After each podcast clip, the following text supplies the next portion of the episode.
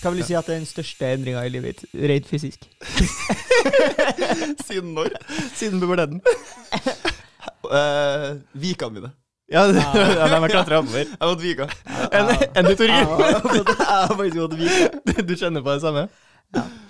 Dagens gjest er jo da Vetle Slagsvold Øyen. Eh, venn av meg og Torgrim. Ja. Han er din venn òg. Ja, det er det. Absolutt. Jeg ringer ikke så ofte, men skriv meldinga til Ja, det Og så treffer jeg deg, og treffing er hyggeligere enn ringing, men ringing er hyggeligere enn teksting. Ja, definitivt. Goals. Ja. Goals. Har du lyst til å ha en yrkestittel? Uh, jeg tror jo markedssjef er jo jobben min. Markedssjef er jo også en kul tittel. Det er en kul tittel. Ja, hvor mange er du sjef for? Eh, null? Null. Én av meg sjøl. Da, men du er i hvert fall ansvarlig. Ja, jeg er ansvarlig, Det er det. eh, og den eneste. Som Hvis det går dårlig med markedsføringa for bedriften din, så vet man hvem som skal skylde på. du kan peke på én mann, og det er meg. Ja. Men, du må, ikke, men du må, hvis du er sjef, så må du ikke være sjef over andre folk. Du kan jo bare være sjef for en avdeling, f.eks. Ja. Ja. Vi har jo fire avdelinger i selskapet mitt, eh, og fire ansatte. Mm. Så Det er ingen som har så mye sånn personalansvar. Nei, alle Ingen trenger å gå på personalansvarkurs. Veldig, Vi slipper det.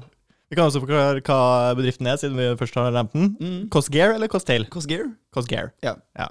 Vi eh, lager eh, tekniske kostymeartikler, Ja. Det er veldig pent. Det var veldig teknisk. Det er veldig fint, ja. Så uh, basically, det, vårt eneste produkt hittil er Ja. at vi lager en elektrisk hale til å bruke i cosplay, eh, altså da i kostymer.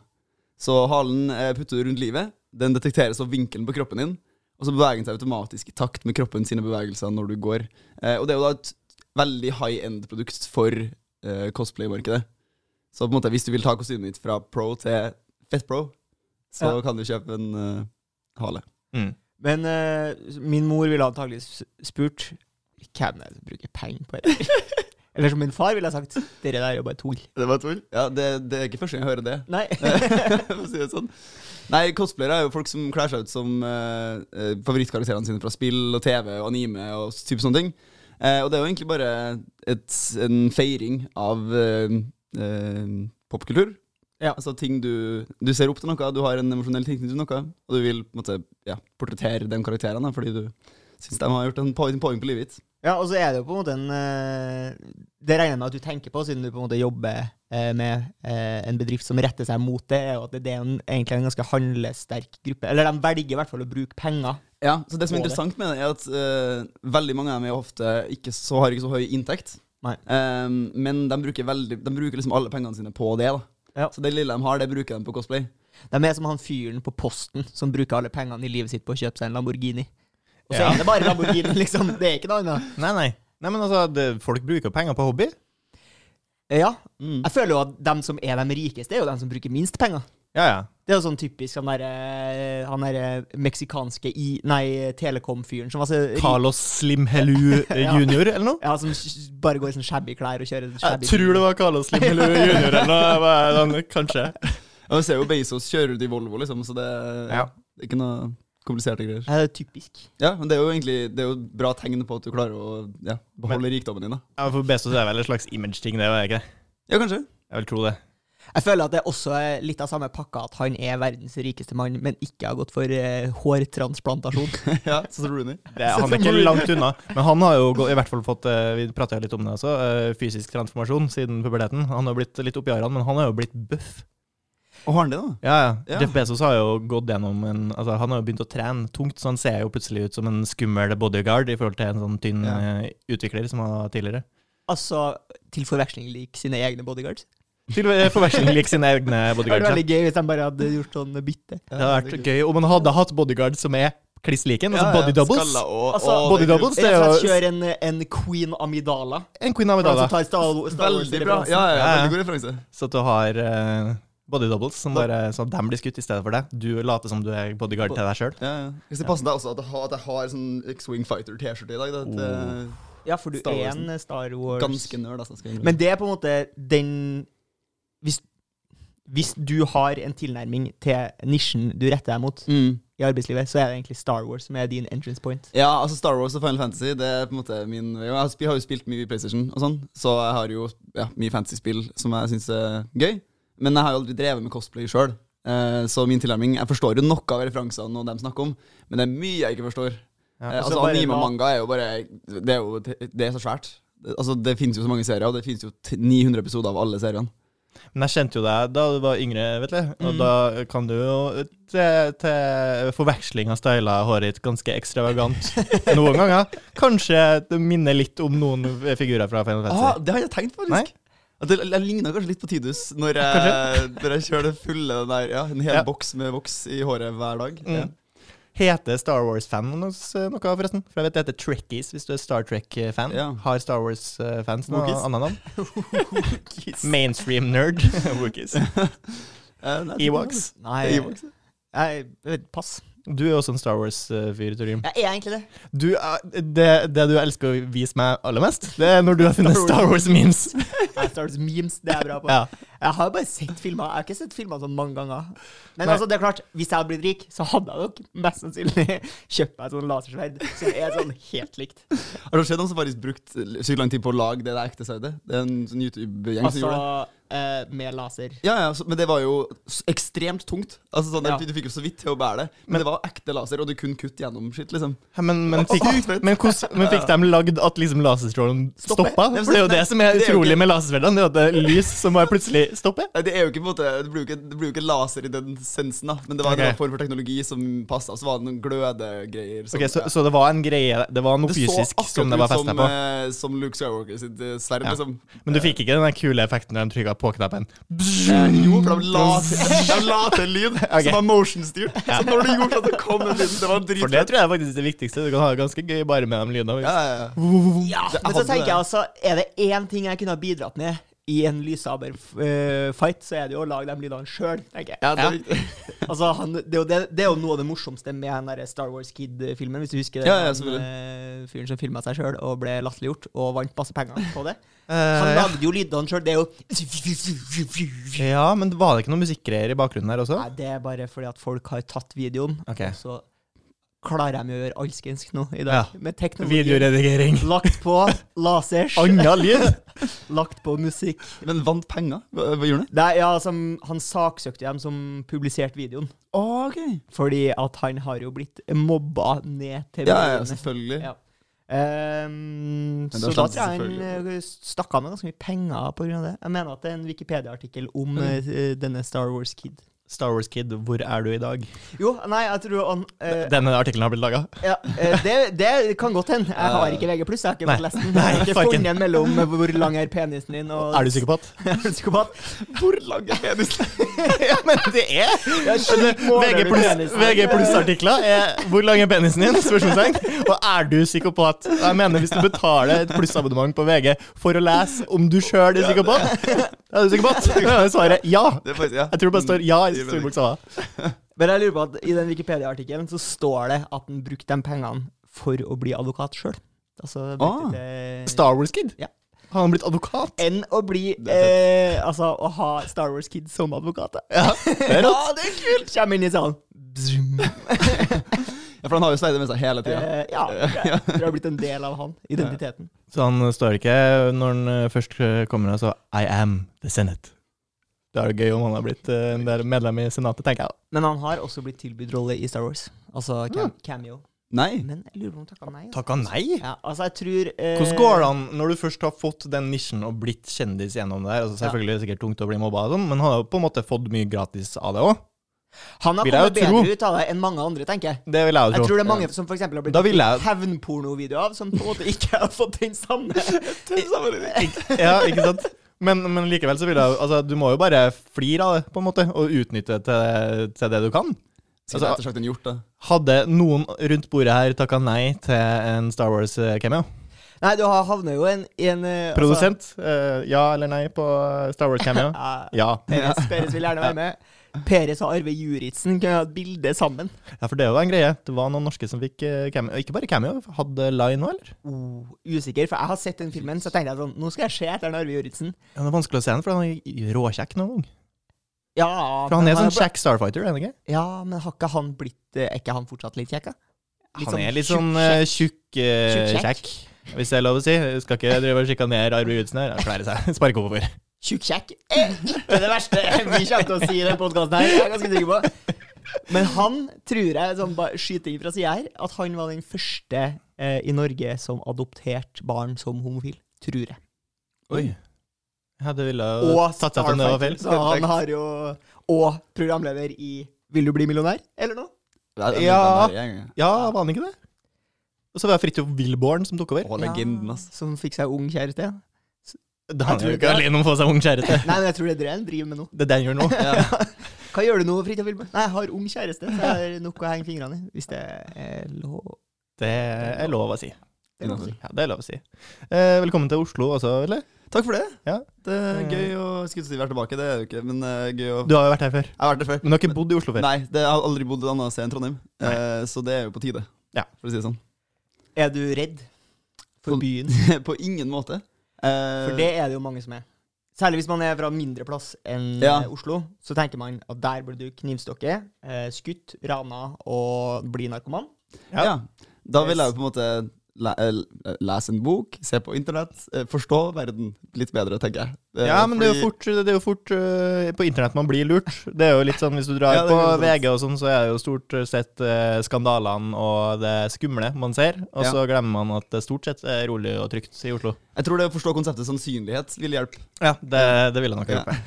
Ja. Men, var Altså, noe, men hvordan, hvordan er inntrykket ditt fra Oslo liksom, før du flytta hit? Hadde du noe, hadde noen forventninger? Eh, jeg hadde egentlig forventninger om at det skulle være eh, altså, eh, større kulturtilbud. eh, og bare flere plasser å utforske. og vips, så kom det en pandemi. Og så kom jo selvfølgelig pandemien, så det får jeg, har ikke bevist eller motbevist det ennå. Uh, det gleder jeg meg til å gjøre. Men uh, jeg liker det veldig godt så langt. Altså, det er jo obviously, det, altså, det er flere butikker, det er flere mennesker, det er Ja. flere opplevelser. Det er jo, altså, det er jo større på alle Ja. mulige måter. Mer Eh, av alt. Og det kommer jo ikke jeg, jeg føler ikke det, fører til så mye negative ting. i hvert For meg. jeg føler at du har brukt opp Trondheim. Altså, du flytter jo fra Trondheim. Jeg er sånn jeg, Trondheim har blitt for lite for meg. ja, ja. Ja, Det føler på jeg. ekte. Ja. Fordi at jeg uh, trives jo veldig godt i Oslo, uh, og det er mye kulturtilbud. Men jeg Altså, det er jo ikke sånn altså, jeg drar hjem og legger meg på sofaen når jeg er ferdig på jobb. Jeg er jo sliten. Jeg går ikke, det er jo ikke sånn at jeg drar på konsert hver Nei, jævla dag. Selvfølgelig, men det har kanskje noe med liksom, hvor mange som er igjen nå, da. Det har noe med det å gjøre, fordi altså, bare hvor mye miljø man har. Ja. Byen føles liten når du har få holdepunkter, få mennesker du kan ta initiativ med. Ja. I Oslo så er jo liksom alle barndomsvennene mine og dere og alle fra studiet mitt bor her. Ja. Så det er noe med Du blir liksom tvunget også til å flytte litt. uh, ja. Ville du hoppa utafor et stup hvis alle vennene dine gjorde det, virkelig? Jeg hadde vurdert det. Ja. Hadde, det var mer sannsynlig at jeg hadde gjort det hvis, hvis alle hadde gjort det, hvis ingen hadde gjort det. Jeg vil jo tro det er større sjanse for at man hopper for et, utfor et stup hvis alle du kjenner har hoppet utfor et Ja, fra stup mer for da har du ikke så mye igjen. Ja, det Kan jo finne nye venner, da, men uh, hvis dem òg begynner å hoppe utfor et stup, så er det jo kanskje Er ikke det sånn gammel vikinggreie? Sånn etterstup? At når du ble Eh. for gammel, så ble det bare sånn Hopp her, gamle mann. ja, Nå er det en byrde for samfunnet. på tide. Nei, jeg vil ikke. ja, det var vel noe man valgte kanskje å gjøre sjøl, tror jeg. Hvis man uh, følte at man ble en byrde. Øh, Jeg er så gammel og stygg. Ja, du er det. Ja, Ok. Men det jo, de hadde jo veldig sånn villa dø i kampaktig, og så hvis du ikke var heldig nok til å dø i kamp, så måtte du gå for det etter Så har stupet, du eller hva du ja, gammeldags aktiv dødshjelp. Kaste deg utover stup. Til Sveits. Før så måtte de hoppe utfor stup, nå setter man seg på T-banen uten munnbind. Sant? Ja. Ja. Men begge deler kan man jo gjøre i Sveits. Begge deler kan man gjøre. Det er lov der. Men eh, du har jo prata om at du ser ikke negativt på å flytte tilbake til Trondheim, Trym. Ja. Mens eh, Vetle, du på den andre sida har hørt eh, snakk om Ja, ok, Oslo er stort og fint, men jeg ser for meg bare å være her en periode, kanskje, og så ut til en enda større verden. Mm. Eh, hvor vil du da? Eh, altså Den planen jeg har nå, den eh, vage planen, er jo å holde på i en del år til med Cosgear. Ja. Jeg tror det kan gå til helvete tidligst om tre år. To-tre år. Du selger inn selskapet ditt hardt her nå. Jeg gjør det. Men altså, det er sånn man må tenke, da, føler jeg. Fordi det, vi snakker bare om hvor mye runway har vi, hvor, mye, hvor lenge har vi penger. Men er ikke det litt sånn motsatt? Man egentlig pleier å tenke i sånne økonomiske spørsmål, så er det sånn Man planlegger alltid for at det skal gå bra. Og selvfølgelig, det gjør vi jo, men vi, altså, vi bare Vi vet jo at når vi skal hente neste runde med penger, men det, vi har ikke planlagt hva vi skal gjøre etter neste høst, i in terms av liksom, hvilke prosjekter vi skal gjøre, og hvordan vi skal vokse. da. Eh, fordi vi har ikke tida eller vi har ikke liksom kapasitet til å hele tida drive med den tunge, langsiktige planlegginga, fordi det er så mye som skjer akkurat nå. Ja. Men vi vet jo hva neste produktet vårt skal være, og vi vet jo, vi, vi vet jo hvordan de neste 18 månedene våre ser ut. Men er plan, eller er drømmen litt sånn oppkjøp? Det er det beste, liksom? Nei, jeg, synes, jeg har jo egentlig lyst til å bygge et selskap. Eh, så veldig mange har liksom sånn Ok, vi skal holde på i fem år, og så skal vi selge. Men vi har jo egentlig ingen logiske kjøpere. Altså, sånn, fordi vi er en av de første selskapene i, av vår kind, liksom. Men er det ikke noen andre sånn cosplay-selskap? Så du har noen eh, nettbutikker som selger materialer og typ, som retter seg mot cosplay, og så har du mange som selger kostymer, ferdige kostymer. Ja. Men det er jo ingen som selger den type teknologi som vi gjør, da. Nei. um, Men eh, er det ingen som lager f.eks. lasersverd, som vi snakka litt om i stad? Ingen som gjør det? Ikke i skala. Altså, du har, du har jo du har en og en liksom, custom makers, eh, typ på Etsy, Ja. som bare selger en og en ting, men ingen som har gjort det ordentlig med merkevarebygging og en svær bedrift og samlebånd. sant? Jeg føler at du først Da blir det fort Disney, liksom. Som lager mye av greiene sine sjøl. Altså Ja. lager mye av effektene sine selv og sånne ting. Jeg tror jo på en måte altså, sånn, Vi kan jo bli kjøpt opp av sånn type Etsy, da. Ja. Eh, ja, for eksempel. Eventuelt. så Hva lager de, da? Etsy er jo bare en plattform der folk, the creators kan uh, legge ut sine ting. Så det er som uh, eBay for makers, på en måte. Nisje-eBay. Ja, jeg føler det, men det er jo sånn her eh, typisk for i, i cosplay, da. Så lager folk liksom custom ører og med, pels og masse greier. Men du har også folk som lager altså hva som helst, da. Hjemmelaga ting, liksom. Ja. Så har du en, enkeltselgere. Um, Men eh, du, en annen måte å selge inn, eller annet selskap å sikte seg inn på, er jo de selskapene som bare driver med alt. Som Ja. Yamaha, for eksempel. Ja. Som lager motorsykler og vaskemaskiner og Ja. trommeslagverk. ja, ja. Eller et sånn indisk selskap som heter Tata, som driver med eh, lastebil, eh, kabel, altså cable network, og chips. Og chips? ja. Eller Kingfisher, som har både øl og eh, flyselskap. Ja. Det er jo kjempegøy. Tenk at de som bare lagde det, var sånn Hva liker vi? Fly og øl. Vi, vi gjør det. Vi lanserer begge deler samtidig. Skal vi bare starte med det ene og se om det går bra? Nei. Nei, vi kjører begge deler. Ja, ja. Kjører begge deler. Det var for, for øvrig Jeg har jo flydd med Kingfisher, Ja. eh, og det var jo da i India. Eh, og eh, da fikk jeg ikke lov til å ha med sekk okay. om bord i flyet, fordi det var en risiko Det var, altså, det var risikofaktor. Faktor? Faktor, ja, rett og slett. Du får ikke lov til å ha med noe form for håndbagasje. Men han fyren som allerede hadde klarert hagla si, han fikk jo lov til å ha med den inne. Ja. Hæ? Men du må ha patronene i en egen bag. Ja. Den er god. Men, men fikk han ha bag til patronene, da? Ja, altså Han hadde med seg både hagle og ammo inn på flyet. Ja. Hva hadde han, eh, han ammoen i? For Jeg ser for meg han gikk i en vanlig plastpose. Kanskje, Nei, altså, kanskje gjennomsiktig plastpose. Bandolier, er det ikke Ja, det? det er eh, nice. Hipster. eh, ja. Ja, Er det er det kult. hipster, eller er det, det er sånn det- jeg føler det har blitt det nå. Ikke med bandolier. Nei, ok, nei, da, nei. For da har du liksom Det er Du sånn tenker der på fanny pack, er Jeg tenker på et sånn ja, sånn fanny pack. Ja. Rumpetaske og bandolier er to ja, litt forskjellige ting, men jeg skjønner hvor du vil. Jeg skjønner hvor du vil. Mm. Hvis du går med bandolier eh, på gata i Oslo Ja. eh, uten patroner, Ja. da er det hipster. Hva kan du ha? Du kan ha for eksempel sånn For du kan være dobbel hipster, da, så kan du ha eh, sånn filmruller. Gamle Ja. filmruller i Oi. bandolieren. Og så har du sånn gammel. Ja. Og så er det fett hipster. Da er det ekkelt. Det er kult. Da er det kult. Goals. Det er goals. Goals. Det er goals. Men uh, vet du, Mm. eh, bortsett fra at uh, du sa at håret ditt har begynt å forsvinne bitte litt, Ja. uh, noe som jo er et fellestrekk for alle her. Jeg har fått litt eh, større viker. Ja, jeg syns det er synd på dere Torgrim- gutta. Torgrim har- oh, har også fått litt større viker nå som han har blitt eldre. Ja. Eh, de har jo faktisk truffet nakken. Eh, men vet du, du har begynt å trene litt mer seriøst, har jeg fått inntrykk av, Ja. enn det du har gjort tidligere. Mm. Du har Egentlig- jogg. Egentlig bare springing, ja. Ja, springing. ja. Hvordan fant du ut at springing var noe som passa deg? Vet du hva, det er eh, egentlig bare pga. en, eh, en treningsmotivasjonstjeneste som Ja. en kompis av meg fra entreprenørskolen eh, lagde. Eh, der, du, der du starter et veddemål med kompiser om å trene x antall ganger i uka Ja. over en viss periode. Du måtte ha et uh, pengeinsentiv. Så jeg måtte ha et eksternt insentiv, Ja. da. Og da var det bare OK, bli med på det her. Um, og så fant jeg ut OK, hvordan skal jeg få trent mest effektivt og minst kjedelig. Ja. Og jeg, og jeg syns styrketrening er, helt, er sykt kjedelig. Ja. Og jeg har spilt fotball hele livet, så fotball har vært en del av treningene som jeg har gjort. Jeg har spilt ukentlig i, i noen år nå. Ja. Um, Det men er sjansen for at du blir proff. Altså, sånn, jeg leste nettopp en sak om den der 20-åringen fra Fram som plutselig gikk til Arsenal og golla på under 23-laget. Ja, du det? Helt insane. Altså, han var 20. Og så, Late bloomer. og en halvt år etterpå spilte med Arsenal. Og han, han kom så vidt inn på prøvespill på Fram! Ja, det var Ja, det var jo en fyr som gikk fra Fredrikstad 2 til AC Milan. Ja, Ja. Samme greia. Jeg skjønner ikke hvor Finn AC Milan han fyren. Bare sånn, hmm. Ja. Jeg skjønner jo ikke hvordan går det an å finne sånne talenter når hovedtreneren på hovedlaget ikke klarer å se det engang. Det er jo det som er Nei, det er sykt. sjukt. Når de er gode Så du har fortsatt håpet? Jeg har fortsatt håpet, det, det var poenget. Så det kan fortsatt skje. Plutselig blir jeg oppdaga.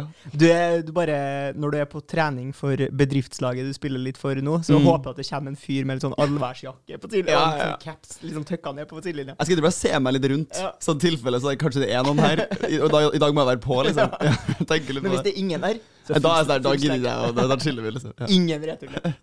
Nei, men altså, Den løpinga har egentlig vært veldig gøy, eh, og jeg er jo veldig glad i statistikk. Eh, så det å kunne Ja. tracke ting og se liksom direkte framgang, det syns jeg er veldig motiverende. Også det å ikke ta penger.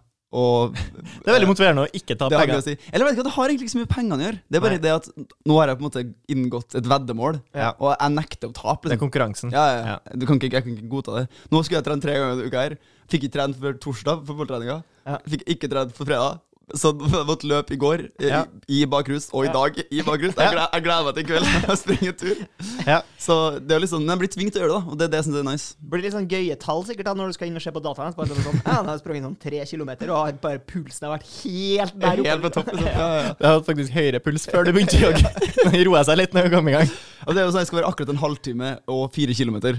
Eh, Det er liksom minimumskravet. da Så jeg setter jo bare på tida på en halvtime, og så springer jeg akkurat en halvtime. Men sjekker du eh, statistikken din på liksom puls og sånn? Har du fått bedre puls?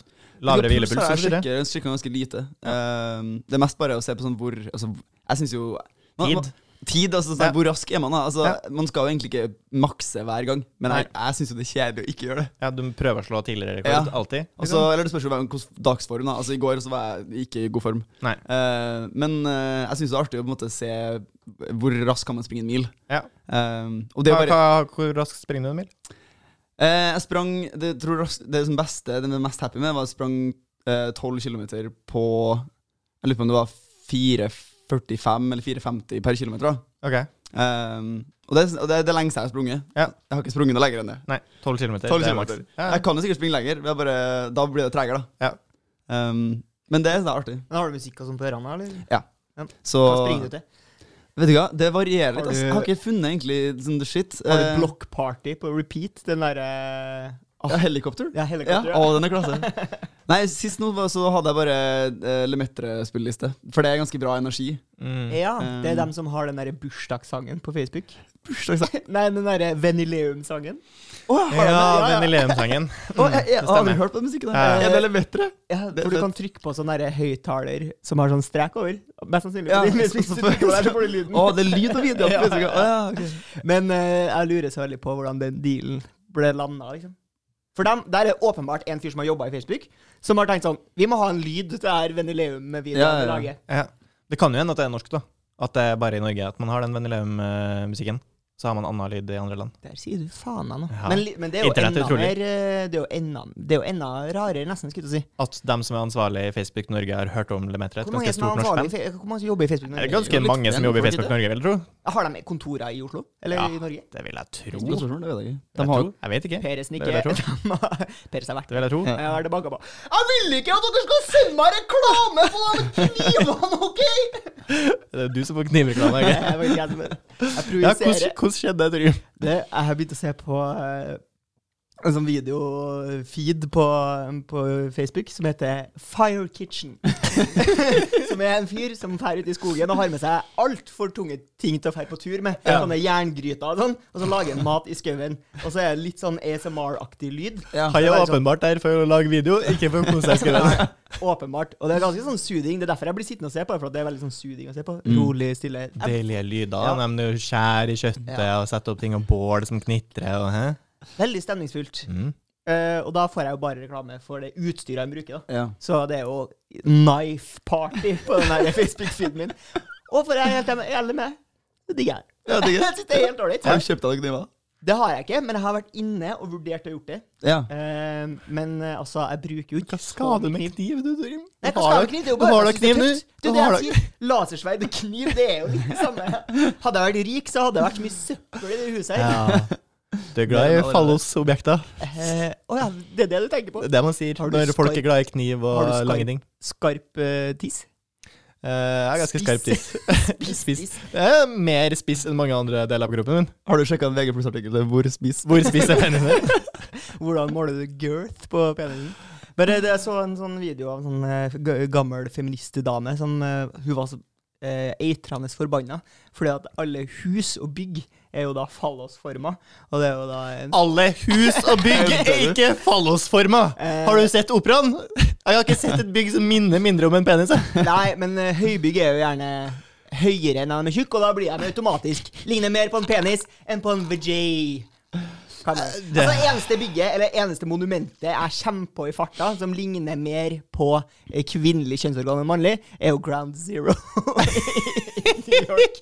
Jeg det. Eh, men, altså, der, Der, eh, eh, Twin Towers sto. Å ja, er jo sånn Ground Zero, Ja, ja. Ja. ja.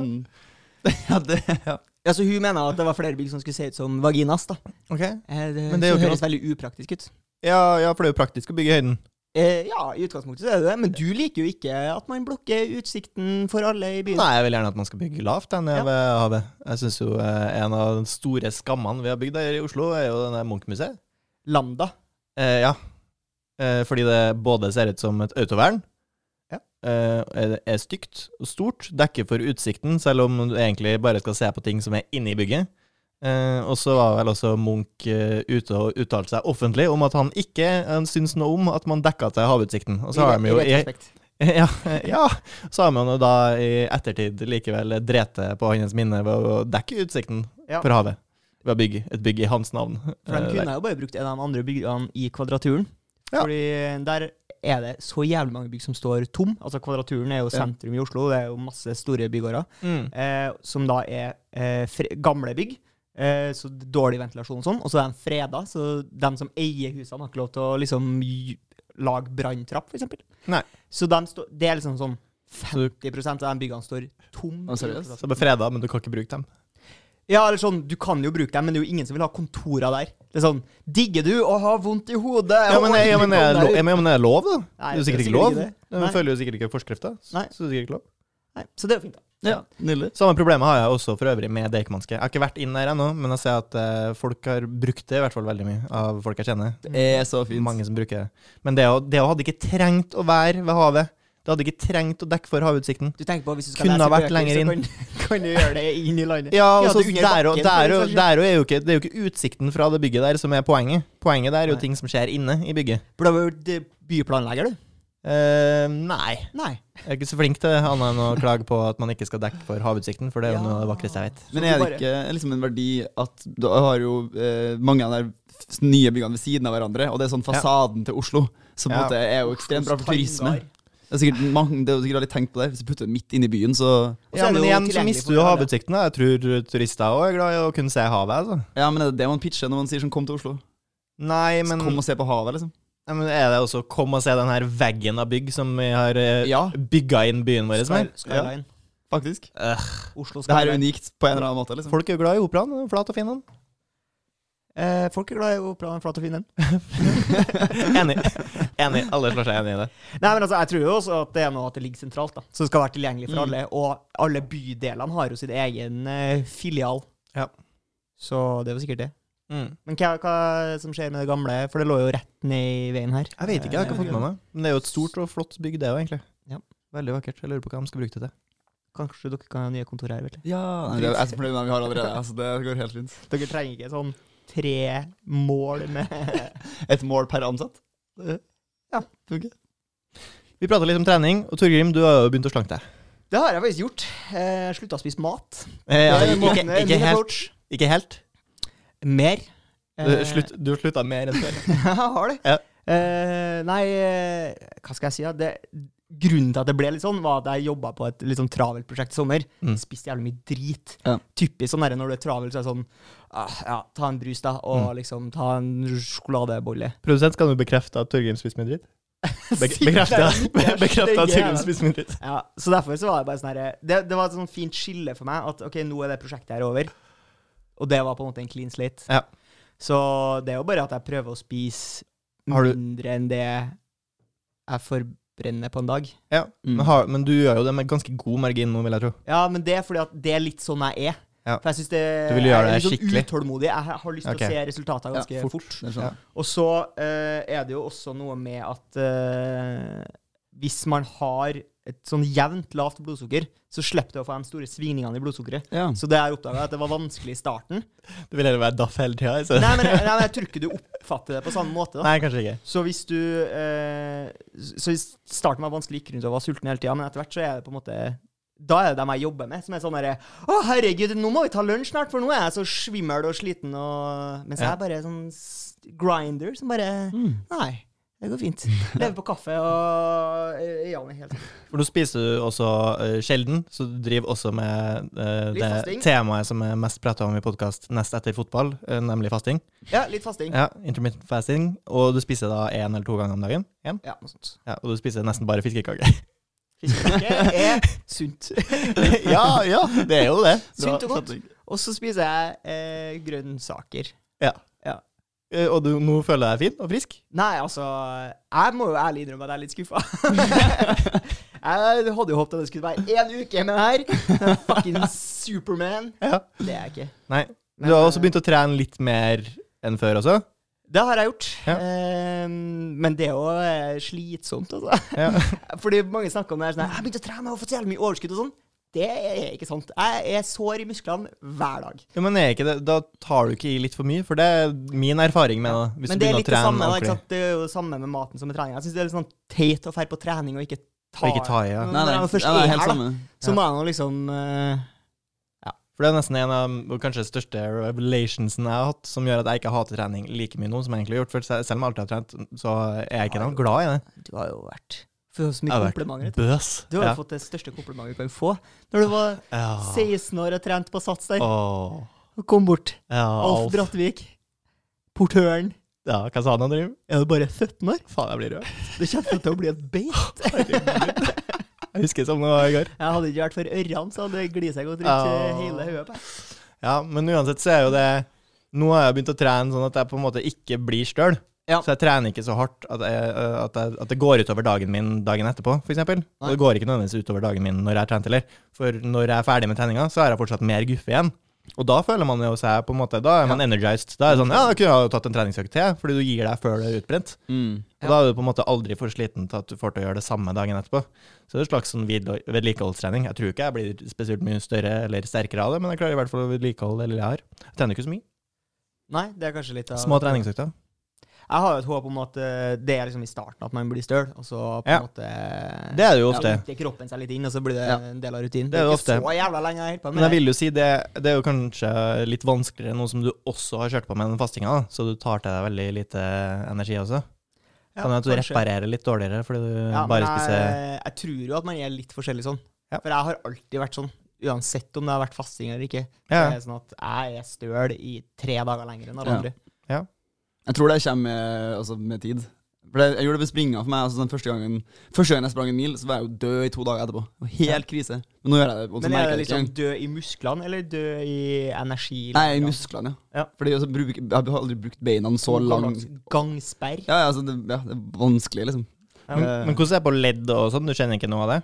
Jeg kjenner, jeg kjenner knær. Ja. Men det er fordi jeg hadde en kneskade i eh, vår, Ja. eh, så jeg gikk på krykka i et par måneder. Mm. Så det er på en måte, Jeg har jeg trent opp igjen. da Ja. Uh, Så det kjenner jeg hvis jeg tar i for mye, så blir, jeg, da blir man ekstra sliten. Mm. Det, Jeg tror det tærer ganske på kroppen med sånn jogging på asfalt. da. ja, i hvert fall. Ja, spesielt på asfalt. Så jeg prøver jo å liksom være litt på litt trails og sånn. Uh, I Oslo. ja, så jeg klarer Jeg jogger på en måte ut mot uh, Mot Ullevål sykehus. Og så, Ja. ja. så det er på en måte en del ja, veier der som ikke er ren asfalt. Ja, det er sikkert trygt, det. Jeg hadde jo en periode der jeg gikk og svømte på Oslos dyreste badeland. Ja.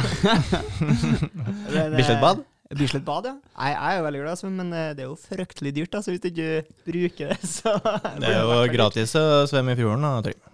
Ja, men eh, er det Altså, jeg vet ikke. Jeg syns det er så rart å bare drive og svømme rundt i fjorden. Hvis skal, fordi hvis du skal svømme en time, da, så er folk bare sånn Hva er det hele på Ja, men, eh, men når det begynner å bli vinterstid, da er det jo ingen som er og stirrer på folk som svømmer ute i fjorden. Jeg tror ikke de stirrer ekstra mye. Da, Men det er så mange som går langs havlinja på vinteren, da. Jeg vet det, men jeg står jo sikkert på Jeg og så kikker de opp fra ei bok, og så er det Dæven, hva som foregår i det Det er ingen som kjenner igjen deg, da. Er ingen som kjenner meg igjen, nei. Hvis Men du de ringer bare- sikkert politiet, da. Ja, det kan vi. For hvis du får deg en skikkelig våtdrakt, kanskje du kan svømme i kaldt vann? Det har vært rått. Det har blitt en uh, tøffing. Ja, det har blitt en type. Ja, men du er Om jeg er type nok fra før. Jeg Ja, okay. jeg er enda mer type. Frykt for å bli mer type. Ja, det- Skalla, langt skjegg, det får holde. Hva spiser du, vet du? oh, det vet du hva. Eh, mat er jo noe av det kjedeligste som fins, syns Ja. jeg. Jeg er jo litt enig. Ja, altså For meg er det bare noe jeg er nødt til å, nødt nødt til å gjøre.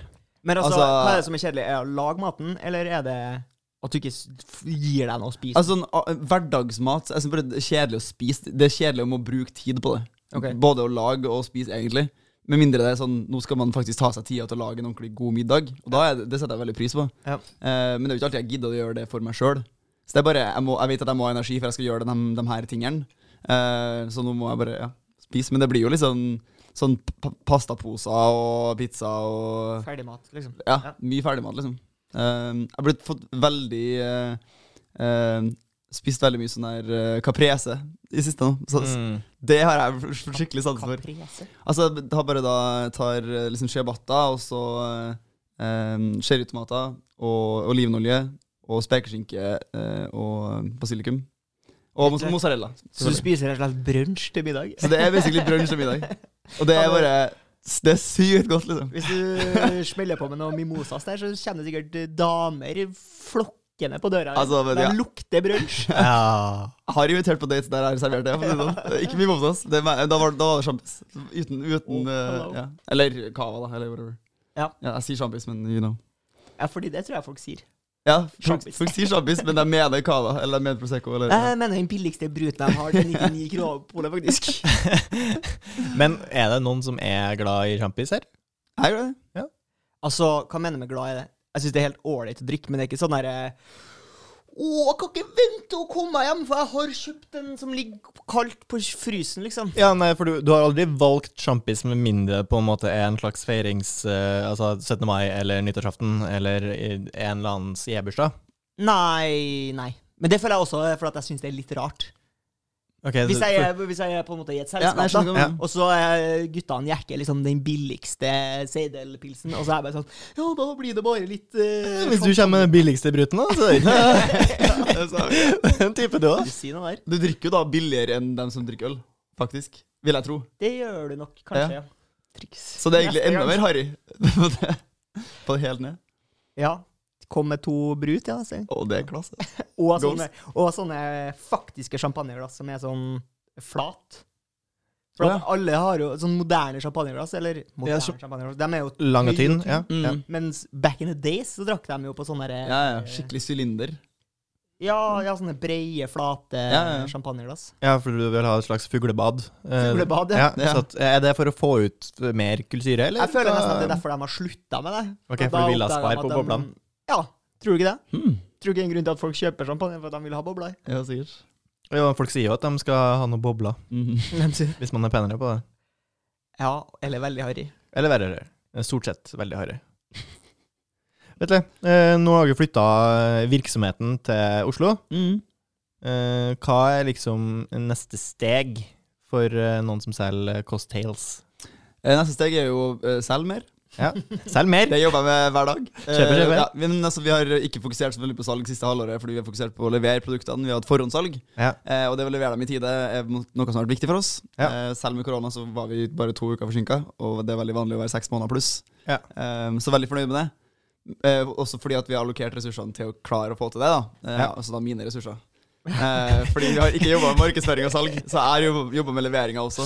Ja. Men nå må vi jo selge, fordi vi trenger jo penger. Um, så det jeg fokuserer jeg fullt på nå. Og så begynner vi å utvikle um, eh, Vi har et nytt produkt vi skal lansere i høst, som er nesten ferdig utvikla. Og så Mm. skal vi lansere eh, begynne å utvikle et nytt produkt fra bunn, også nå samtidig. Ja. Så vi har jo to ingeniører da Mm. eh, som driver med det. Som jobber fulltid for dere? Ja, så vi er fire, fire på fulltid. Og to, Ja. på to ingeniører og to på forretning. Jeg føler jo at det er liksom ingen tid i verdenshistorien som har vært bedre å komme med det her enn nå.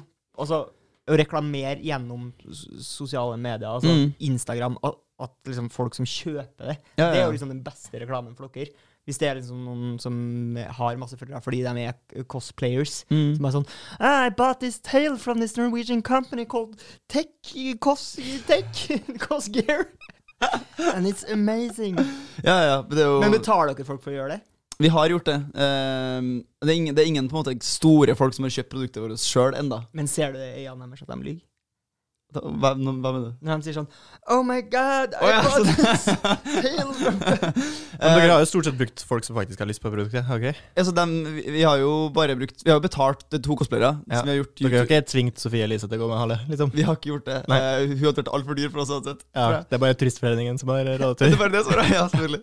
Nei, vi har betalt uh, ja, to youtubere da som har sånn typ sånn 70 000-80 000 eh, subscribers, uh, Ja. til å lage en video hver. Og den ene har jo 600 000 views. Det har gått skikkelig bra. Men hun er supergenuin og ekte. Og vi Skype, jeg skyper jo med dem på forhånd for å liksom få en fil på at vi, at vi passer bra sammen. Si. Ja. At de forstår greia.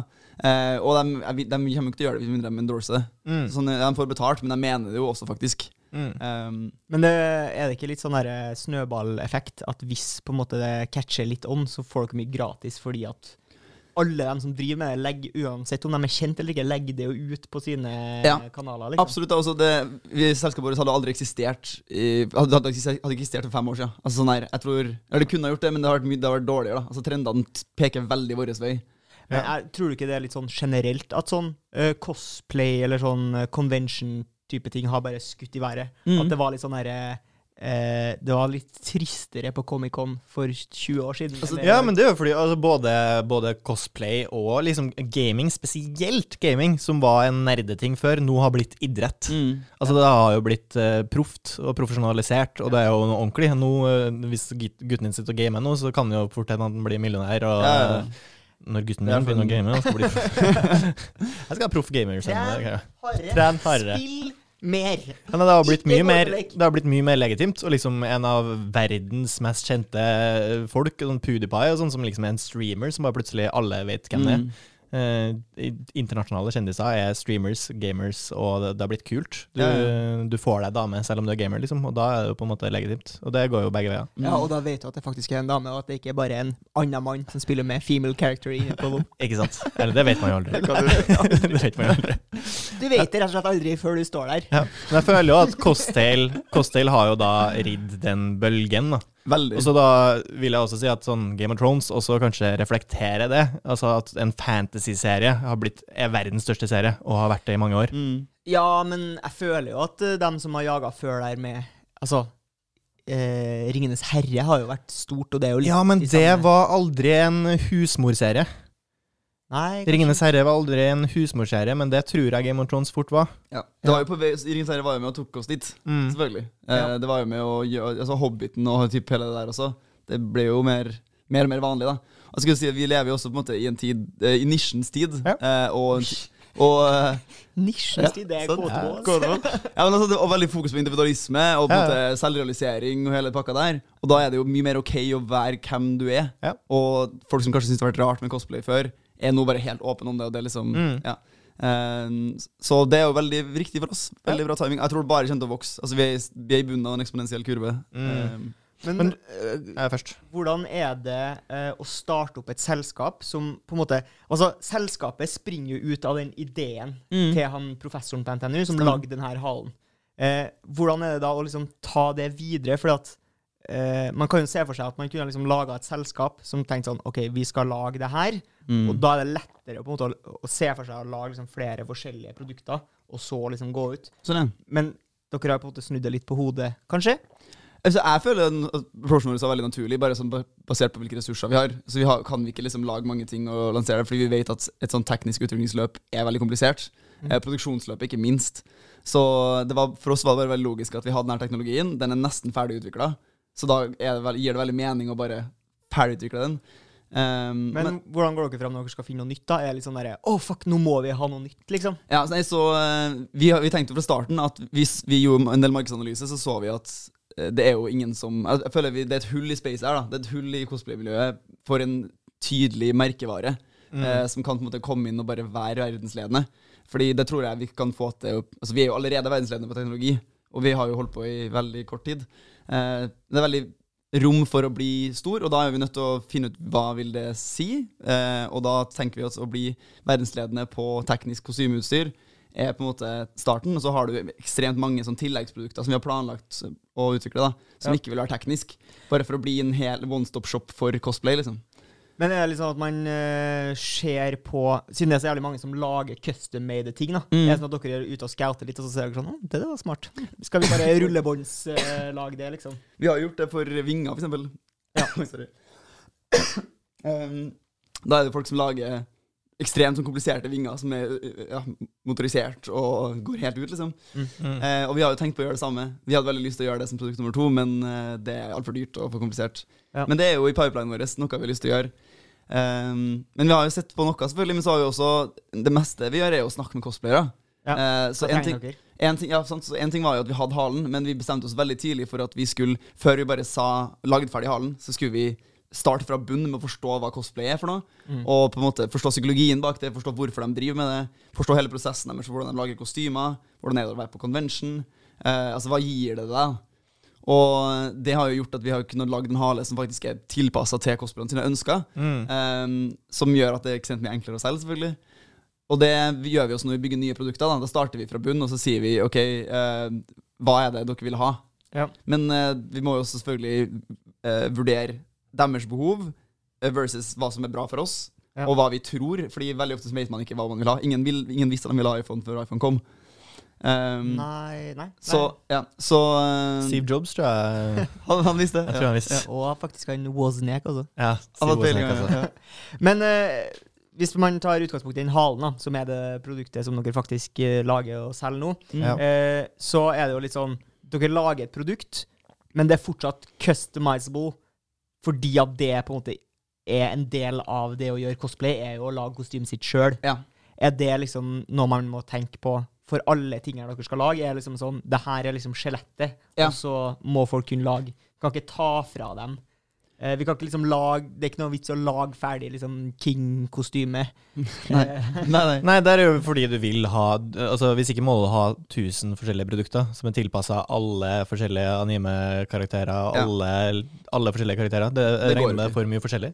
Vil jeg tro. Ja, Det går jo ikke. For det, det er jo på en av tingene vi har funnet ut da, av å snakke med cosplayerne og lære, og lære, er jo at de eh, Mange vil ha noe som er ferdig, eh, men mange vil også lage det sjøl, og det er nødt til å kunne tilpasse det. Så da prøver vi å finne mellomtingen. da. Så du finner noe som, Vi lager noe som cosplayerne ikke sjøl kunne ha fått til å lage, men vi lager det sånn at det er enkelt for dem å gjøre det til sitt eget.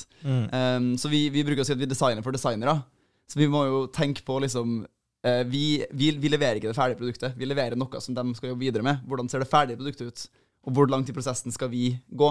Og hvor langt skal de, hva skal de få lov til å gjøre? Mm. Eh, men vi ser jo også at vi får masse requests om å si sånn, kan du kjøpe For vi selger jo hale uten cover, altså uten noe pels eller uten noe stoff. det er et skjelett. Det er et skjelett, typisk. Eh, og så kan du endre lengden på den, du kan endre vinkel. Du kan, ja. Um, og så- men vi får masse requests fra folk som sier sånn Har du en eh, hale til den karakteren? Har du til den karakteren? Og det har vi jo da ikke. Fordi vi Men ikke dere har laga Gurin med reverumpa-skin. vi, har, vi, vi, vi, vi, vi har noen skins. Og, og Huldra. Den var norske først. Huldra, Troll. For Hvis ikke vi har solgt Huldra, så kanskje vi må må den Huldra. Vi må få Huldra inn. Ja, Altså. kan, fort bli, kan fort bli sexy, det. Ja. En ting jeg lurer på først. Eh, eh, hvordan, vet dere noe om forholdet på dem som kjøper? Hvor mange er, av dem er det som er designere sjøl, på en måte? Å ja. Um altså Sånn som jeg ser det nå, så Vi, har, vi selger jo halecover i tillegg, så du kan Ja. egentlig bare se hvor mange som kjøper halecover og ikke. Ja. Eh, og det er, tror jeg er rundt 20% som kjøper med cover uh, i tillegg, fra oss. Ok, Uh, men jeg tror også mange har intensjon Så vil si det er 80 stykker som, 80% som har lyst til å lage sjøl, da. Skulle man tro altså. Tilpasse seg selv. Så det det Men er det litt fordi at de har måttet vært designere sjøl, fram til dere kom på en måte på banen? men, eh, Eh, altså, da Er de designere fordi de har begynt som designere fordi de måtte være designere? Fordi vi kunne jo ikke kjøpe Hale noen plass. Nei, nei. Mens når dere plutselig kommer med tilbudet om Hala, så er det sånn Ja, nå slipper jeg å designe sjøl. Så sånn, ja. deilig. Ja. Og da kanskje kommer det nye kunder til som bare tenkt sånn Ja, nei, jeg gidder jo ikke å designe den sjøl, det er for komplisert. Men når dere kommer med det tilbudet, ja, da vil jeg ha. Absolutt. ja, ja. Jeg, jeg tror De er jo veldig vant til å De har jo alltid lagd alt sjøl. Eller ja, de fleste i hvert fall gjør jo det. Ja. Um, og jeg tror, det, jeg tror de setter pris på at vi har At vi lar dem ha valget og, og, og gjøre den ferdig sjøl. Um, for de er jo så dyktige, og det, og det er det vi ønsker å fremme. da yeah. At Vi ønsker bare å lage en plattform for at de skal bli enda bedre. For å gjøre kostymet sitt enda kulere. Uh. Vi vil jo ikke ta over prosessen deres. Vi vil jo bare ja, enable dem til å få til noe enda kulere. Ja. Og det det som er. Har dere sett uh, at noen har brukt teknologien deres til noe helt annet? At de har kjøpt Noe dere ikke forventa. Å, det her er en hale, men det skal ikke jeg bruke som en hale, liksom. Det Ja. her skal jeg, jeg skal jo lage blekksprutkostyme. Det- Jeg skal lage penis. Ja, eller penis. Det er jo veldig gjentagende i kommentarfeltene våre at folk Ja. skal lage sånn Doc Ock. eh, Ja, ja, ja. ja. Doktor Octavio! Det er veldig vanlig. Og nå, vi gjorde en sånn her eh, Vi tok en runde på kontoret der vi bare sånn Hvor kan vi putte halen? Og få han til å bevege seg. Ja. Så vi putta han liksom over skuldra, Ja. og så fikk han til å bevege seg. Og det så helt sjukt ut. Det er sykt kult. Ja, det er jo basically, ja. Ja. Altså Det er jo sykt fett, men det er jo, vi har ikke lagd det for det. Så på en måte det harnesset vi bruker som dere har bak på ryggen, Ja. det er jo ikke, det er jo ikke forma for skulder. Nei, nei. Men vi kunne bare lagd et skulderharness. Men øh, kan man prog... Altså det, Jeg regner med at det er en slags programvare som også ligger der. Kan Mm. man progge det sjøl? Er det tilgjengelig, liksom? Nei, det snakka vi en del om, men vi fant ut at det kjente å bli for komplisert. Um, og vi Så da må han eventuelt jailbreake ja. Da kan jo bytte kretskortet hvis de vil, liksom. Eh, da kommer garantien til å bryte, brytes. Men det, det, Bare si det. Bare, bare nevne det. jeg sier det for hvis det er kunder som hører på. Nei, men eh, Vi snakka om det, men da må du ha en egne, egne sendere inn, i- inn i kretskortet, og det var en mulighet til å kunne koble på og alt sånt her. Og vi Mm. fant ut at vi gjorde undersøkelser for å se hvor mange som faktisk er interessert i det her. Og det samme sånn skal vi gjøre 3D-printfilene tilgjengelig, så de kan 3D-printe ledd sjøl. Men Ja. også det er ganske få som 3D-printer i forhold til det vi trodde. Ja. Så tror ikke det blir så big uansett. Eh, men det vi har begynt å gjøre nå, er at vi har begynt å lage egne sånne her eh, 3D-printa haletupper, som du kan putte på kanten tuppen av halen. Ja. Som, er, som er skreddersydd for å liksom passe inn. Ja. Eh, med i, typ sånn, I hjerteform og i spiss. Ja, for der er det jo mye variasjon liksom ytterst på halen. Masse sånn, Ja. ytterst på halen. Ja. Så vi, eh, det skal vi gi, det vi gir jo 3D-printfiler gratis. Altså hvis folk vil eh, 3D-printe det og putte på halen sin, så kan de gjøre det. Ja. Um, Good guys, altså. vi er rause. Ja. ja, altså, vi, vi, Open source, gutta. Ja, Vi har snakka sykt mye om det. da Altså sånn, eh, Når vi skal bygge merkevare fra bunn, så må vi liksom tenke på hva, hvordan det vil framstå, hva er det som er viktig for oss. Mm. Eh, og da starter vi på en måte i vår egen kultur, og det er hvordan er vi mot hverandre, og så utvikler vi det. Har dere vært på seminar og fått sånne kjerneverdier? Ja, Åpen, ja, ja. og inkluderende? Altså, det er Ja. Men- Det er NRK sin, jeg, jeg tror det. ja, ja. Er det det? Jeg tror det. Ja, vi har bare 50% av alle som jobber oppe her, er på sånn uh, slavekontrakter, som, Ja. og du blir sendt på lufting. Vi er åpen, raus og inkluderende. Bare kom. Det som er interessant med det, er at sånn, det er veldig vanskelig å enforce sånne verdier i et stort selskap, men vi er bare fire. Ja. Så på en måte, hvordan, vi hvordan vi håndterer hverandre, det kan liksom skikkelig måles. da og, og sånn, Nå satte vi ned, nesten, satte vi ned prisen eh, med 20 dollar pga. korona. Og så var det sånn OK, vi skal være litt rause. Eh, og raus er en av ordene vi bruker veldig ofte. Ja. At vi vil gi tilbake. Så da alle som har kjøpt med den dyre prisen, refunder vi. Oi, det er nice. Um, fordi at Ja, det er vi veldig ærlige, liksom. ja. Good guys. Ja, det, men jeg tror det er viktig, da. Ja. Um, både fordi Ja, vi er jo good guys på ekte, føler jeg. Det er ikke bare sånn Jeg tror jeg er good guys. vi gjør det ikke bare for å tjene penger, guys liksom. i sine egne øyne. Det er ikke så mange som tenker sånn Vet du hva, Jeg er bad. jeg er ond, men det lever jeg godt med, egentlig. Ja, Altså, Gitt riktig kontekst, så er alle good guys. Jeg Det- tror alle klarer er liksom relativt. bare sånn Ja, men jeg var faktisk ganske s- Jeg er snill med vennene mine, for eksempel. Ja. Men de er jo snille med randoms, da. Og på en måte Randoms. Ja, Ja, men altså, Ja, snill, ja. så vi, vi, vi hadde ikke trengt å gi ut de her ja, også kaller det. 10 000 kronene, eller hva faen det blir, da, uh, som vi gjør nå. Men det gjør, vi gjør det fordi at vi setter pris på det. Har dere sett noen som har kjøpt ni haler og hatt den på ryggen for å lage Ninetales-kostyme? Uh, det er også en ting som går igjen i kommentarfeltet skikkelig. Og da er det sånn her det, Herregud, det må være dyrt! Og alle skal snakke om det. Ja. Men vi Kan man få en uh, rabattpakke på å få ordna det skal vi fikse. Det er. Vi har faktisk hatt en kunde som kjøpte tre haler. Jeg skjønner ikke Oi. hva du skal bruke til det. Tauros. Tauros.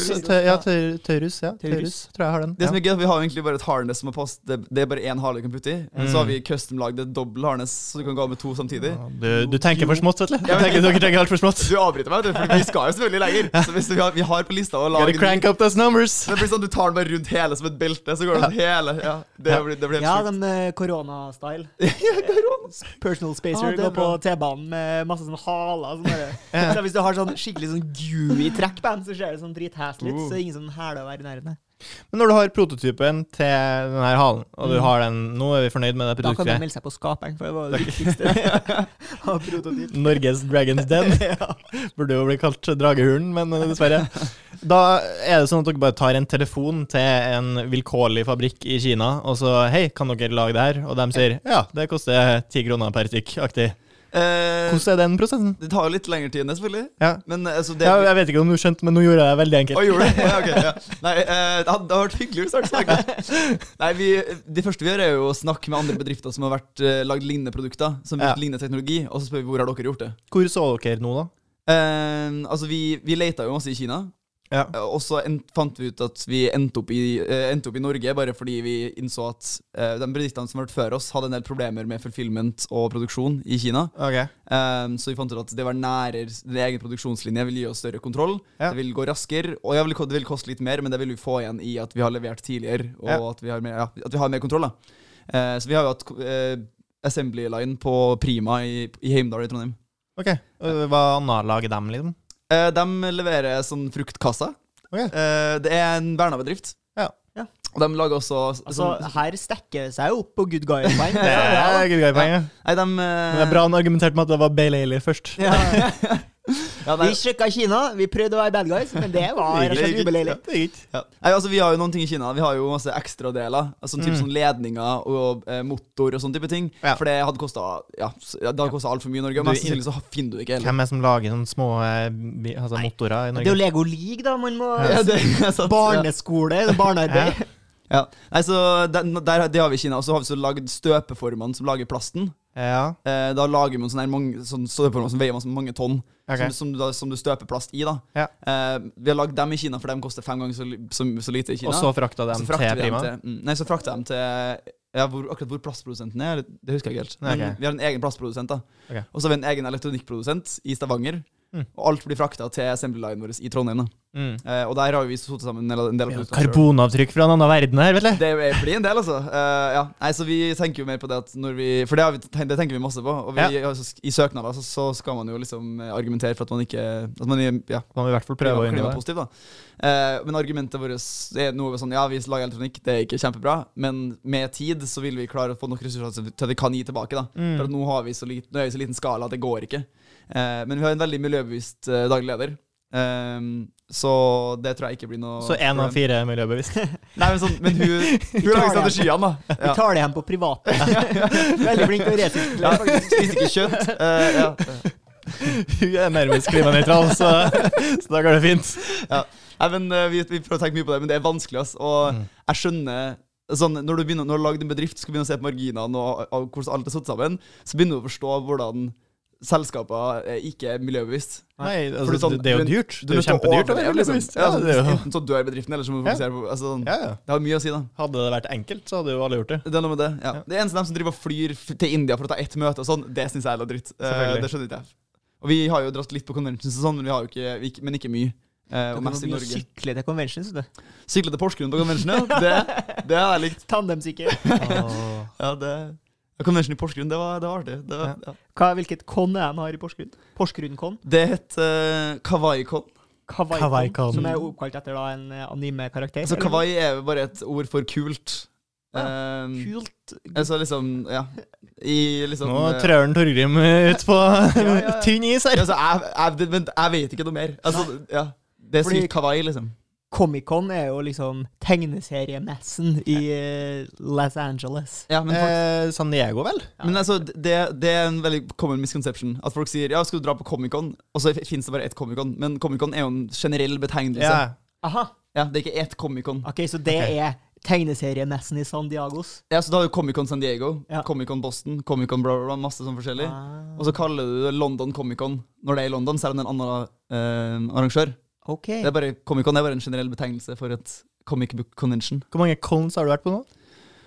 Eh, seks, eller noe sånt? Ja. Ja. Har du kledd deg ut på noen av dem? Jeg har ikke kledd meg ut. er, det liksom, er det litt disrespect? Fordi det er, liksom, det er sykt interessant. Da, for tenk, vi tenker mye på det der. eh, fordi jeg er jo ikke cosplayer, og det ville ha blitt liksom påtatt. Ah, blir det en slags blackface? Uh, Ja, eller mer sånn derre Hello, fellow kids. Sånn, her er en som har kledd seg ut uh, for å se ut som oss, men han er ikke en av oss. Så det, det er jo egentlig Det har ikke noe å si, fordi cosplayere er så åpent. Ja. hvis, så det hadde vært null stress. Jeg kunne ha kommet med Pikachu-ører og en hale, og det hadde vært sånn her, du er Du burde jo komme med Så bra du har det. Pikachu eller Ja. og en hale. Ja, ja, egentlig. Uh, men det er jo mange forskjellige på spillere i cosplay-miljøet. Det er ikke bare cosplayere. Nei. har også alle som uh, selger på merchandise og materialer og sånne type ting. Så har du Mm. masse fotografer. som jobber med, bare med cosplay, som ikke cosplayer sjøl. Yeah. Um, og vår rolle blir, jeg tror jeg er best som at noen som kan være med og støtte opp om cosplayerne på flere Mm. måter. Så når vi har dratt på con, når vi dro til London eksempel, så tok jeg med en fotograf, og så får vi bare rundt og tok bilder av cosplayerne, Mm. og så redigerte jeg dem, og så sendte jeg dem til dem etterpå. For da har de på en måte brukt så mye tid og penger for å komme seg dit, og det blir jo vanligvis så koster det ganske mye penger å, å bet- betale for en fotograf. Ja. Så vi tenkte vi kan, vi, kan vi gå dit og gi litt gratis verdi tilbake. da Og så Hvis de er interessert, så her har du en rabattkode på en hale til når vi lanserer. Eh, men viktigste var at vi, at vi viser at vi er internasjonale, fordi det er vi jo. Og det, ja, vi må liksom uh, Ja, men jeg har jo tross alt vært i Porsgrunn. The cultural capital of the world. Eh, Turim, eh, hva ville du helst ha kledd deg ut som på et eh, Comic-Con? Eller en con? En con, ja. Nei, Ja. jeg føler jo at eh, hvis jeg skal gå for sånn eh, Ta utgangspunkt i hvordan jeg ser ut, da. Mm. Det er jo fort å tenke God of War. Ja. Eh, Ja, den er skalla Fordi har jo du er er stor og bøff. Nei, mer at jeg har skalla. Jeg har skalla. Ja, ja, du vil ikke til Gimli, altså? Jeg kunne ha gjort Gimli. Jeg kunne antakeligvis gjort For Gimli. kanskje mer fysisk lik Gimli enn en Kratos. Det er nok. Eh, Det er nok. Ja, det, det er nå bare fakta. Ja, det er fakta. Det er ikke ment som en fornærmelse. jeg- Gimli er en kul fyr. Gimli er en kul fyr. Ja. Mm. Men jeg føler at jeg blir teit hvis jeg Mens Kratos er jo nesten litt mannevond. Det er jo ikke du. Nei, jeg prøver å ikke være det. Men jeg, ok, eh, hvis jeg hadde gått for for eksempel Iron Man, så hadde det jo vært veldig dumt hvis jeg hadde sånn pro-maske som lukker seg sånn. og så- Ut. Uh, føler jeg ikke. Det går ikke. Men det er klart, uh, jeg, jeg, ble jo, jeg ble jo tent på ideen om å kle meg ut som Dr. Octavio her i stad. Ja. Med costails. Ja, ja. Da må jeg selvfølgelig ta skjegget, og så må jeg skaffe meg en sånn bolleklipp-parykk. Ja. og så Petter Northug-solbriller, for han har sånn port, i tegneserien så har han Ja. liksom Petter Northug-aktig solbriller. men akkurat på Octavio-delen så føler jeg at eh, der har på en måte militæret kommet lengre enn en det cosplay-miljøet har. For de driver og bygger Ja. masse sånne Åh, hva heter det? Exoskeletons. Ja, exoskeletons er som har masse sånne Da snakker vi. Ja, altså Da snakker vi. at det kommer er rett og slett en, en eh, fare for andres helse. Kom ja. Jeg, kommer, jeg ser for meg at du kommer som doktor Oktavia, altså at du går med de armene på en måte litt i lufta med Da er du sjef. Da hadde Da sjef kan du ha så la- langt rødt skjegg du bare har. Folk kommer til å synes at du er fett. Jeg tenker Hvis du, hvis du hører å lage det, og så bruker du det til cosplay ja. Jo, men det er jo litt sånn det er, da. Med som, han som lagde den derre Iron Man-kostymet sitt. Ja, ja. Han har jo på en måte lagd eh, noe som antageligvis skulle ha brukt til andre ting. Sikkert. Men møte opp på convention liksom i en Ja, sånn ja, ja. eh, to tonn tung eh, drakt. Det er jo helt sjukt. Det, det er jo så kult. Det er sykt imponerende. Ja, det er jo det. Det ja. Enn du, Sebastian, hvis du skulle ha kledd deg ut? Jeg vet ikke, men jeg, jeg har jo lyst til å kle meg ut sånn at man ikke kjenner igjen meg, tror jeg. Ja. Det syns jeg er litt Iron gøy. Man, for eksempel. ja. Ja, Iron Man, Maske. eller Deadpool og sånne ting. For det, ja, det så at på en måte helt maske. Det du. jeg er jo veldig glad i Deadpool. Uh, først og fremst skuespilleren. Ryan Reynolds. Du hadde nok ikke vært alene på convention som Deadpool. Jeg vil ikke tro jeg ville vært den eneste. Jeg kan skrive under. Det er mange Deadpool. Uh, hvis ikke, så er jo også jeg, som Vetle, ganske fan av Final Fantasy X. Ville kanskje prøvd å kle meg ut som en som heter Oren der. Oh, en ganske yes. stor, rød, sånn skjortelaktig sak. Armer i fatle og stort, stort sverd på ryggen. Ja. Det er rått. Ja. I gjønn er eller i cardboard? Ja. Igjen, det skal være tungt. Og det skal være- i stand til å gjøre masse damage. A lot of damage. Nei, vi har snakka om det flere ganger. Det er de her uh, two hand swordsen som man har videoer på YouTube. Ja. Som For det er på en måte ikke cosplay, men nisje likevel. Det er Kan dere tenke å bruke den? Nå? Jeg håper det er nisje. Det er jo det. For da er det noen eh, litt tjukke, stutte eh, amerikanere. Det- Det er lov å si. For det er dem For det er de. på den, på den videoen. For det er dem. Og har uh, trange T-skjorter og enda trangere belter utpå de T-skjortene her. Og de driver og lager noen ser ut som flotte, voldsomt bra two hand swords. Ja. Og de er jo store. Store two hand swords er store greier. Og så skal de jo reklamere for det på YouTube eh, uten å være i aktiv krig mens de filmes. Reklamer eller demonstrer. Det- Litt begge deler. Ja. Ja, og da er det jo Da går det jo utover en del døde griser og noen vannbeholdere og noen bambustrær og sånn. Ja, Døde griser. Ja, altså, ja døde Ja. griser. Altså, det henger jo som et slakt. Og så skal de jo bare se hvor, hvordan de liksom Da er det jo mye forskjellig der, da. Når de kapper en gris i de to, selvfølgelig. Det er jo kult. eh, og mer kult enn når de eksempel bare tar og stabber en ballong eller noe. Liksom, ja vel. ja, så er det jo veldig populært å kappe tau, da. For Ja. at tauet henger i sin egen vekt. Så hvis Ja. du da klarer å kappe tauet når, når det bare Ah. henger, Ja, da er det et bra sverd, da. Hva man gjør med ninjasverd for at det skal liksom være enda råere? Nei, Da skal man ha den i lufta, lufta, skal man ikke? altså, det er jo gjerne Du kutter et blad i lufta. Men bambus er jo vanlig Nei, det er jo når uh, klær Når det bare lander sånn silkegreier på, på selve bladet. så Er ikke, det, liksom- er ikke det en scene fra Kill Bill eller et eller annet? Når du bare ser sverdet i lufta, og så ser du liksom at silkesløret bare detter på bladet, men blir delt i to. altså. Hæ, tror du det? Hanso Hva heter han som lager Hattori Hanso. Hattori Hanso. Eller noe sånt. Eh, Vi har blitt uh, Tror den heter noe sånn uh, Hattori Hanso eller noe sånt. Jeg vet ikke helt. Det kan ha vært noe, noe borti, den, eh, borti den gata. Nei, vi har blitt sverdfolk. Vi har blitt sverdfolk. Jeg får bare reklame for, eh, For kniver. på Facebook. Og, Ja. ja. Det er ikke helt bra, egentlig. Eh, men Du, det er mange som har skada seg på sverd i det siste, som du har hørt om. Nei, men det er jo Det er machete. Machete Machete har blitt en greie, men Oslo- sverd Nei, Vetle har jo flytta til Oslo, og Ja. er jo redd for å bli rana Ja, ja. med Med sverd. sverd. Få mobilen din! Nei. Two-handed sword. Det er bare å springe, altså. OK, her. Ta den jævla telefonen din. Men uh, vi prata litt om det tidligere. Hvor flytter du fra Oslo? Etterpå? Ja. Eh, ja, så det var jo, det begynte jo med det. Uh, etter et par år i Coscare, eller forhåpentligvis mange år, selvfølgelig, så har jeg egentlig litt lyst til å prøve å bare søke på startup-jobber i alle de største byene i verden, Ja. og så se hvor jeg ender opp. Ja. Så typ uh, Paris og Barcelona og New York og Tokyo, og liksom bare Ja. dra dit der jobben tar meg, da. Ja. Eh, helt avhengig av at livssituasjonen min Tilsier at det går. tilsier at det går, selvfølgelig. Men det kunne jeg godt tenkt meg. Det tror jeg har vært veldig kult. Mm. Um, og bare virkelig utforske en helt ny kultur, eller ja, for et helt nytt sted. Ja. Det, Da har du ingen preferanse? jeg er veldig glad i Barcelona. Ja. Så, og, men uh, ja, og New York også er jo jævlig kult. Veldig spennende å se hva som skjer med New York nå. Mm. Etter korona har jo stoppa ekstremt mye uh, næringsvirksomhet. Ja. Um, Men det, er er ikke det sånn typisk at uh, når man skal bygge opp etter uh, en sånn pandemi som det har vært, så er det på en måte der man pusher inn pengene?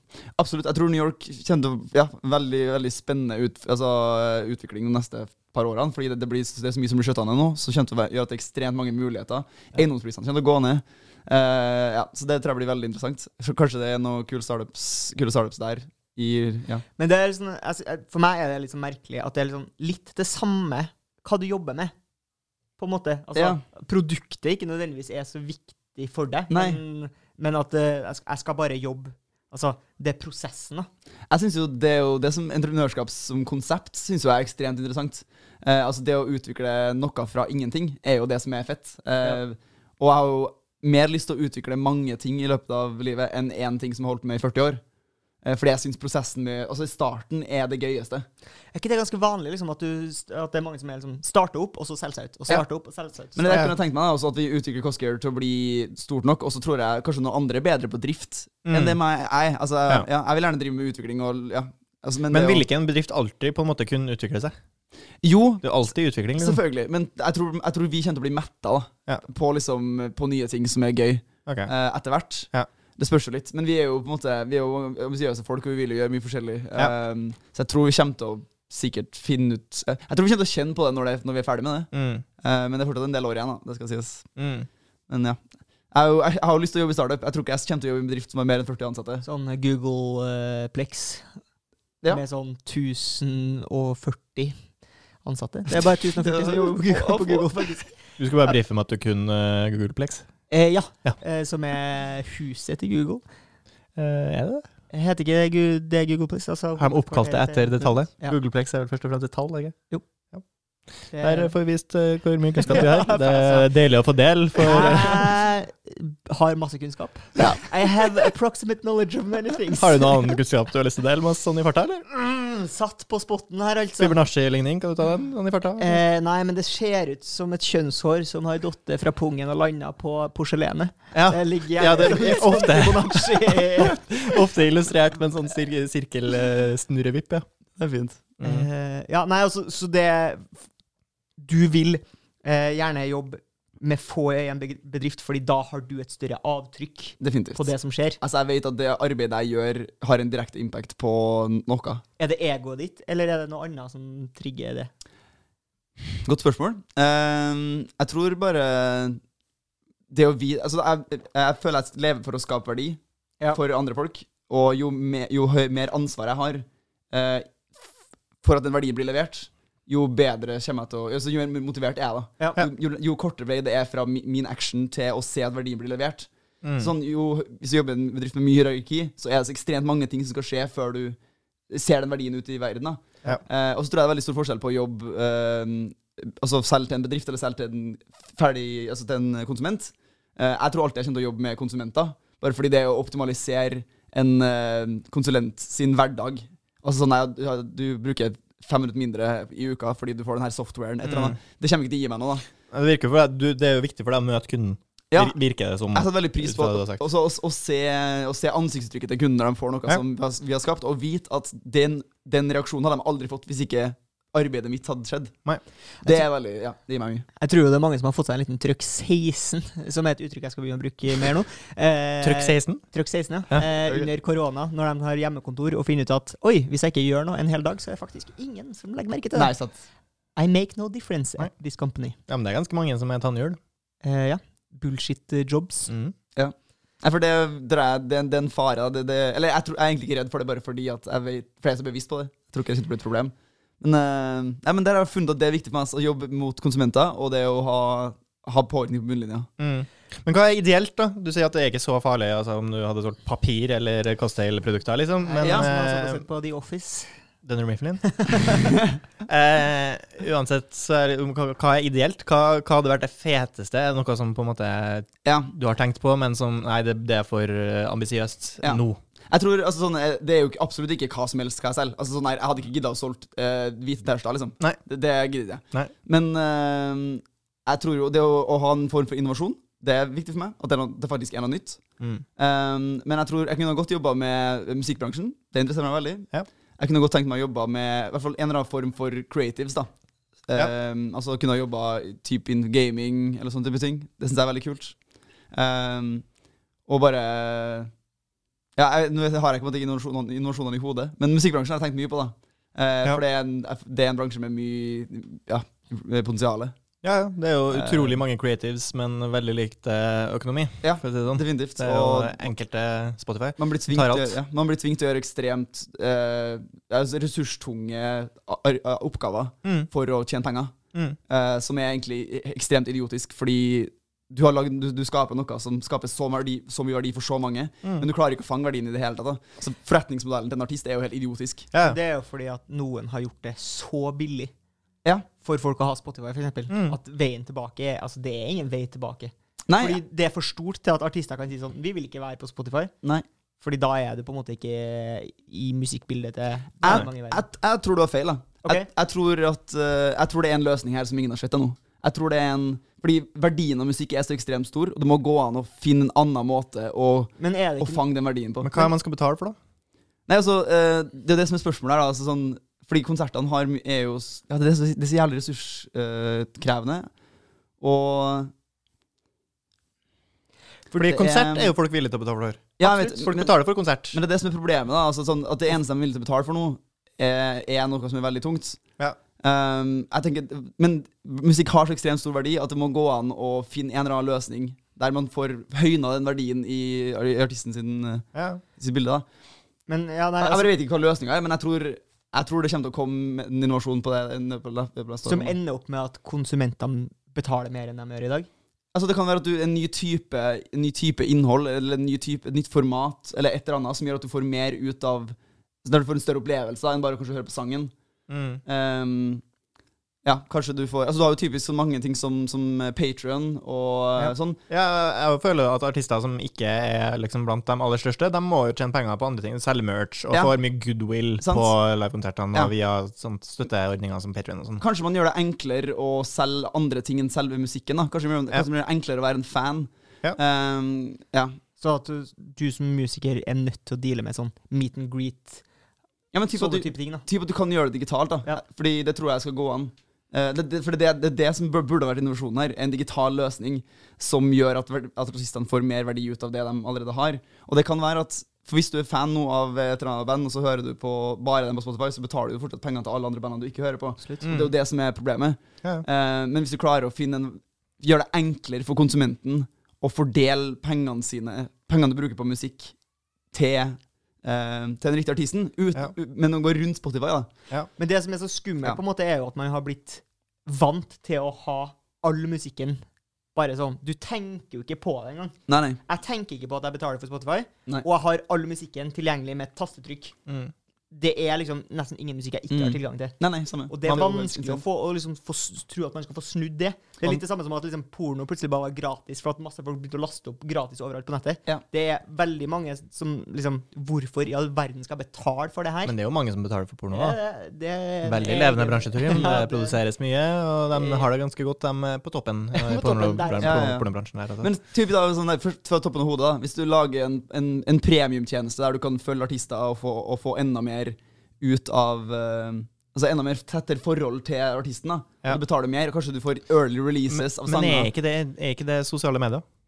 Nei, fordi sosiale medier er åpent. Det er ikke, altså, det er ikke lukka. Ja, nei, men altså, Får du ikke allerede den der nærheten til artistene via sosiale medier? De blir jo tvunget til det, mange av dem. Men Ja. hvis, du, hvis du flytter deg til en, til en paid subscription, Ja. så kanskje du Så kanskje man slutter å gjøre det på sosiale medier i samme, samme grad. Kanskje. Hvis kanskje du kan skille ut innholdet, at, at du får et mer personlig forhold til artisten, eller det oppleves som mer personlig fordi det er privat, Ja. og du betaler for det, og de har content som bare er laget for akkurat det. Mm. Og det vil jo da være ekstremt eh, fordelaktig for artistene. Fordi da kan de Det vil ha mye, mye mer effektiv bruk av tid. Ja. Og bruke tid på å være enda mer personlig der enn å dra på konserter. Så lenge folk gidder. Men jeg Ja. tror jo at kanskje det samme problemet blir der, da. At det er de aller største der det liksom kommer til å liksom være veldig mange som er interessert i det. Mm. Mens at hvis du er et vanlig band fra Norge, da, hvor mange Ja. er det egentlig som er interessert i det der, Ja, sånn, ja. og betaler så mye for det? Eh, For back in the day så kjøpte du liksom eh, plater, men det var fordi at det var eneste måten å få det tak i. Mm. Ja. Mm. Fordi det, det er egentlig det du er interessert i. Mm. Jeg tror de aller fleste hører på musikk ikke fordi at de er liksom superfan, og det, det er jo sjelden at det er en primæraktivitet lenger. Ja. Sant? Hører på musikk i bilen, hører på musikk eh, i, som bakgrunnsstøy, fordi at det er så lett tilgjengelig. Nei, sant, altså. Nei, Jeg tror det kanskje fort blir mer eh, sånn at artister også blir personlige reklameplakater, sånn som ja. mange influensere er. Sånn har det jo Mm. musikkvideoer eh, blitt, for eksempel. Da. Ja, At det er basically bare en reklame. Han der eh, Mm. The Weeknd er, han, han er jo bare Mercedes, han nå. Ja. Eh, Ja. Og alt han driver med, er Mercedes. eller Samsung. Ja, sikkert. Da må det jo også være gigantisk, da, sånn, som, sånn som du sier. At Ja. det er problemet at du, du må ha en stor following før du kan begynne å gjøre det. Ja. Um, Jeg tror ikke det her kommer til å hjelpe for dem som allerede lider, som er de små uh... men tror du ikke, hvis det er et band som er norsk, da, som ikke er stort nok, uh, og så får du altså, De sier de lager akustiske versjoner som er bare ment for en plattform. De lager Du får uh, insight inn i ting som Altså hvordan man gjør på tour. Altså, jeg vet ikke sånn Du klarer å lage content. Du må jo selvfølgelig researche der, da, hva som er bra content. Mm. Hvis du klarer å lage det, og så har du en subscription service der du betaler for du Du får insight i ti band, da, og så Ja. betaler du 40 kroner i måneden. Ja. Og så får du da content som bare er laget for akkurat det, Ja. og så er det faktisk privat. Uh, jeg vet ikke om det ville vært en verdi for konsumenter. Jeg tror det kunne vært kult for altså, å følge de bandene som jeg setter ekstra pris på. da Ja, som allerede kanskje er de største bandene. Ja, men det, det, altså, det tror jeg også kunne vært mindre band. Ja. Det, eh, det kunne vært norske band som du syns er kult. Altså hvis du Ja. eh, Men da er det litt tilbake igjen at du gjør det litt fordi at du på en måte støtter dem. Litt som at man kjøper merch fordi man støtter dem, men det er på en Ja. måte ikke Det er jo ikke der de store pengene Altså, pengene kan jo ikke ligge i medlidenhet, hvis du skal bruke det. Nei, nei, men selvfølgelig, man må jo, man må jo bygge, fra, bygge fra, fra verdi. da Altså Du må jo faktisk skape ekte verdi. For Hvis ikke kommer det ikke til å funke i skala. Uh, medlidenhet funker jo bare Ja, det, det, det er kvalitativt, på en måte. Ja, du sier det, og så er det verdens største streamere. Lever jo bare av eh, medlidenhet. Ja, men de selger jo De begynte jo, begynte jo da, og så får de reklameinntekter etter Ja, senere. Mm. ja, og så selger de på en måte De selger jo selskap. Det gjør ikke Ja. musikk. Nei. Nei, men de selger nå i hvert fall produkt, da. Ja, ja og, jeg, og jeg tror jo Ja. definitivt at det ikke er medlidenhet. Jeg tror jo at det er folk som faktisk Ja. føler at de får så mye av det der. Mm. de 100%. sliter å sitte Ja, ja. alene på rommet. Fordi at de har fått en Mm. venn. Og det er jo det også, da. Det er jo, Trist det, det er jo mer og mer vanlig å betale for uh, de type digitale tjenester enn enn det var før. Også sånn, og det, det tar lang tid før det blir like vanlig som uh, å betale for det fysisk, selvfølgelig. Men verden kommer til å bli mer og mer varm til å kjøpe tjenester som bare er digitale også. Mm. Um, så jeg tror den forbrukeratferden kommer til å utvikle seg mot at det er en mulighet. Da. Men altså, det, det var en, en idé, da. Um, men jeg tror noe å jobbe med, å jobbe med å ja, skape en litt mer rettferdig verden for artister, det tror jeg har vært jævlig kult. Ja. Um, Det er jo Ja. tross alt eh, nisjens tid, vet du. det er jo nisjens tid. Som må hjelpe nisjeartistene også. Sånn. Kanskje vi bare skal gå til én sjanger? Kanskje en Først. sjanger. Treffe en spesifikk målgruppe. Det er også smart. Mm. Tusen takk eh, for at du kom, eller? Vær så god. Vær så god. Av din Det kunnskap. var veldig hyggelig. Eh, god diskusjon på slutten her. Det, ja, det kom plutselig ut av ingenting. Setter jeg pris på.